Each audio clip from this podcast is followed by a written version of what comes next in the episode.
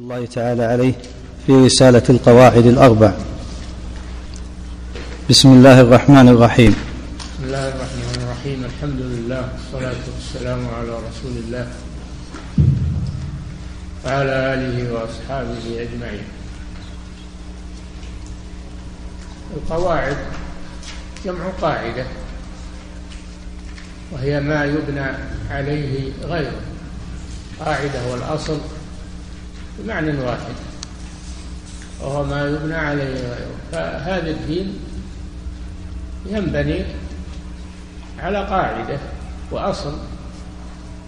هذه القاعدة وهذا الأصل وشهادة لا إله إلا الله وأن محمدا رسول الله. علما وعملا نطقا وعلما وعملا. هذه قاعدة الدين. وأصل الدين توحيد.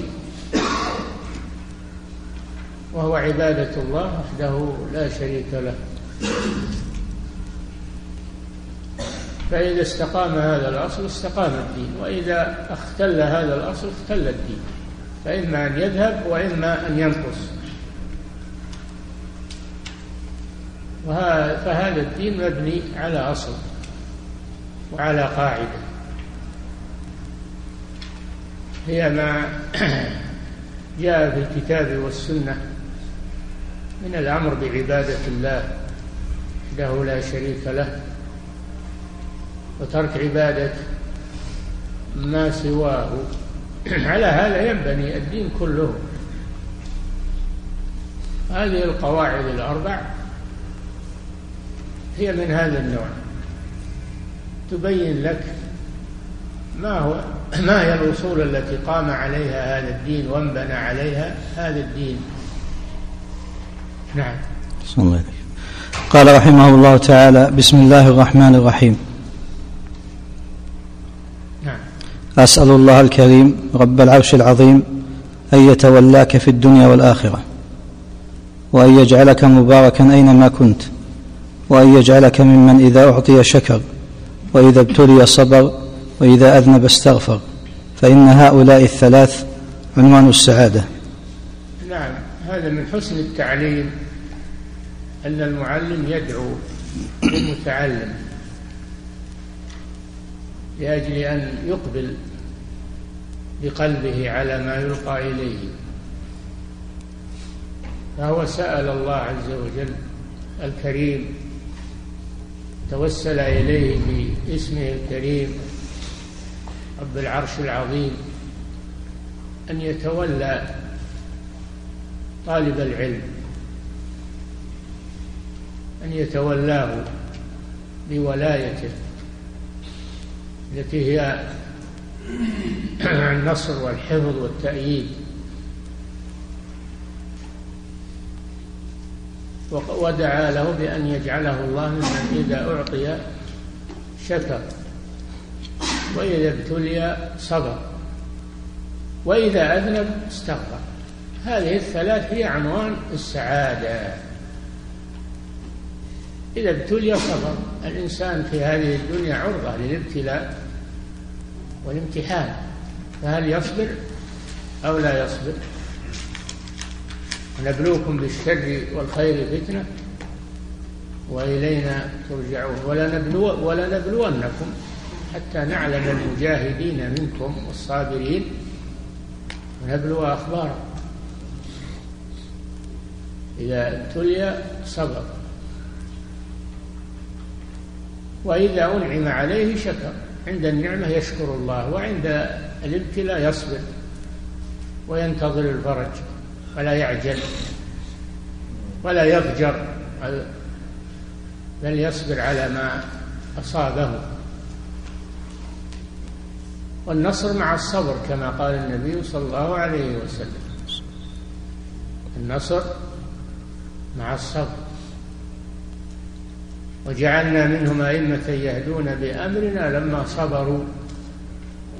يعني من بني إسرائيل. لما صبروا وكانوا بآياتنا يوقنون. قال شيخ الإسلام ابن تيمية رحمه الله بهذه الآية بالصبر واليقين تنال الإمامة في الدين. جعلنا منهم أئمة يهدون بأمرنا لما صبروا وكانوا بآياتنا يوقنون. وإذا أنعم عليه شكر الله عز وجل. فلا يتكبر بالنعمة أو يغفر أو يجحد نعمة الله عليه أو ينسبها إلى غير الله أو يصرفها في معاصي الله. بل استعين بالنعمة على طاعة الله عز وجل. يشكر الله عليها بالقول باللسان أما بنعمة ربك فحدث وبالاعتراف بها في القلب أنها من عند الله وليست بكده ولا بكسبه وأن يصرفها في طاعة مسديها وموليها وهو الله سبحانه وتعالى ولا يصرفها في المعاصي والذنوب. والرحلات الفاسدة إلى بلاد الكفر بل يصرفها في طاعة الله الحج والعمرة والجهاد في سبيل الله. نعم. صلى وأن يجعلك ممن إذا أعطي شكر وإذا ابتلي صبر وإذا أذنب استغفر. وإذا أذنب استغفر هذه هي الثالثة. الإنسان عرضة للخطأ. عرضة للخطأ. كل ابن آدم خطاء وخير الخطائين. توابون لا أحد معصوم من الخطأ إلا الأنبياء عليهم الصلاة والسلام. ولكن الحمد لله أن الله فتح باب التوبة وأمر بالاستغفار ووعد أن يتوب على من تاب وأن يغفر لمن استغفر. ولا يبقى ويصر على ذنبه أو, أو ييأس من رحمة الله يقنط من رحمة الله. ويظن أن الله لا يغفر له هذا أعظم من الذنب. القنوط من رحمة الله أعظم من الذنب. إنه, إنه لا ييأس من روح الله إلا القوم الكافرون. ومن يقنط من رحمة ربه إلا الضالون. نعم.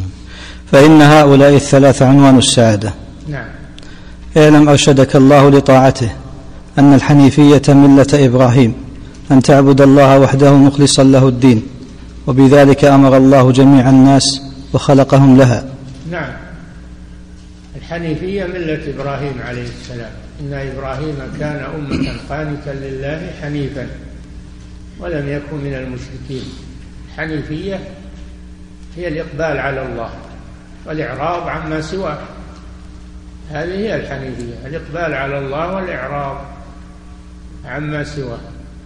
هذه ملة إبراهيم عليه السلام. وقد أمر هذا النبي صلى الله عليه وسلم باتباع ملة إبراهيم ثم أوحينا إليك أن اتبع ملة إبراهيم حنيفا. وما كان من المشركين بل كان يتبرأ من المشركين حتى من أبيه لما تبين له أنه عدو لله تبرأ منه هذا هو المسلم حقا. وهذه ملة إبراهيم الحب في الله والبغض في الله والموالاة في الله والمعاداة في الله. هذه ملة إبراهيم عليه الصلاة والسلام. قد كانت لكم أسوة حسنة في إبراهيم والذين معه. قالوا لقومهم إنا براء منكم ومما تعبدون من دون الله كفرنا بكم وبدا بيننا وبينكم العداوة والبغضاء أبدا حتى تؤمنوا بالله وحده. هذه ملة إبراهيم عليه الصلاة والسلام. ما هي مجرد انتساب بدون حقيقة بل لا بد من الحقيقة. فمن انتسب إلى إبراهيم فإنه يكون على هذا الأصل يعبد الله وحده لا يشرك به شيئا ويتبرأ من المشركين. هذه ملة إبراهيم عليه الصلاة والسلام. وهي الحنيفية السمحة التي أمر هذا النبي صلى الله عليه وسلم باتباعها ولما ادعت اليهود والنصارى أن إبراهيم منهم رد الله عليهم. قال ما كان إبراهيم يهوديا ولا نصرانيا ولكن كان حنيفا مسلما. وما كان من المشركين. إن أولى الناس بإبراهيم للذين اتبعوه. أما اليهود والنصارى فإنهم لم يتبعوه. الذين اتبعوا وهذا النبي يعني محمد صلى الله عليه وسلم. والله ولي المؤمنين. ليس في المسألة مسألة ادعاء وانتساب فقط. لا بد من الحقيقة. لا بد أن تعرف أولا ما هي ملة إبراهيم. تنتسب إلى إبراهيم وأنت ما تعرف ملة إبراهيم؟ ما يمكن. لازم تعرفها. ثم أيضا كيف يكون إبراهيم عليه السلام من اليهود أو من النصارى وما أنزلت التوراة والإنجيل إلا من بعده أفلا تعقلون؟ بينهم وبين إبراهيم مدة طويلة وملتهم مخالفة لملة إبراهيم عليه الصلاة والسلام. نعم. اعلم أرشدك الله لطاعته أن الحنيفية ملة إبراهيم أن تعبد الله وحده مخلصا له الدين. مخلصا له الدين. ما يكون في عبادته شرك. هناك من يعبد الله. المشركون يعبدون الله لكنهم يعبدون معه غيره. يشركون معه غيره. العبادة ما تصح ولا تقبل إلا بالإخلاص لله عز وجل. نعم. وبذلك أمر الله جميع الناس. نعم. قال جل وعلا وما خلقت الجن والإنس إلا ليعبدون.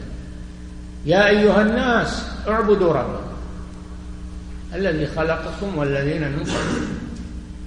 الله أمر جميع الناس بعبادة الله له لا شريك له ولها خلقهم إلا ليعبدون. ما خلقهم لأجل أن ينتفع بهم أو أن يتقوى بهم أو أن يرزقوه ما أريد منهم من رزق وما أريد أن يطعموا. خلقهم لشيء واحد وهو العبادة. والعبادة نفعها لهم. فإذا عبدوه هم الذين ينتفعون. أما الله فإنه غني عن عبادته. إنما من رحمته بهم أنه أمرهم أن يعبدوه لمصلحتهم. أما إذا لم يعبدوه فالمضرة عليهم. الله لا تضره طاعة لا تنفعه طاعة المطيع ولا تضره معصية العاصي وإنما هذا يرجع إلى العبد. نعم. وبذلك أمر الله جميع الناس وخلقهم لها كما قال لها. ما خلقت الجن والإنس إلا ليعبدون. أمر بها جميع الناس يا أيها الناس اعبدوا ربكم جميع الناس. ما يستثنى أحد. لا عرب ولا عجم ولا أبيض ولا أسود ولا جن ولا إنس. نعم. كما قال تعالى وما خلقت الجن والإنس إلا ليعبدون. إلا ليعبدون. ما خلقهم لحاجته إليهم. وإنما خلقهم ليعبدوه وترجع فائدة عبادتهم له إليهم هم. من رحمته أنه أمرهم بعبادته لمصلحتهم نعم. فإذا عرفت أن الله خلقك لعبادته فاعلم أن العبادة لا تسمى عبادة إلا مع التوحيد. إذا عرفت أن الله خلقك لعبادته كما في هذه الآية وما خلقت الجن والإنس إلا ليعبدون. فالعبادة لا تكون عبادة إلا مع التوحيد وهو الإخلاص لله عز وجل. لا يكون معها شرك.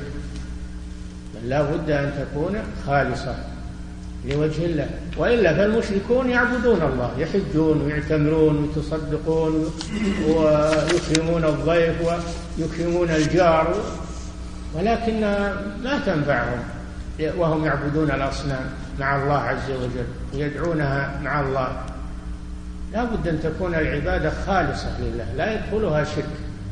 نعم. فاعلم أن العبادة لا تسمى عبادة إلا مع إلا مع التوحيد كما أن الصلاة لا تسمى صلاة إلا مع الطهارة. نعم. فالعبادة لا تسمى عبادة إلا مع التوحيد. شرطها التوحيد. كما أن الصلاة لا تصح إلا مع الطهارة. قال صلى الله عليه وسلم لا لا يقبل الله صلاة أحدكم إذا أحدث حتى يتوضأ. شرطها الطهارة. يا أيها الذين آمنوا إذا قمتم إلى الصلاة فاغسلوا وجوهكم وأيديكم إلى المرافق. الآية شرطها الطهارة. فمن صلى على غير طهارة لم تصح صلاته. كذلك التوحيد إذا لم تبنى كذلك العبادة إذا لم تبنى على التوحيد لم تصح. فالشرك إذا دخل في العبادة أبطلها. كما أن الحدث إذا إذا دخل في الوضوء أفسده. الحدث إذا دخل في الطهارة أفسدها. نعم. فإذا دخل الشرك في العبادة فسدت. نعم. كالحدث إذا دخل في الطهارة. نعم هذا واضح. إذا انتقض وضوء الإنسان بطلت طهارته. كذلك إذا أشرك بطلت عبادته. هذا شيء واضح.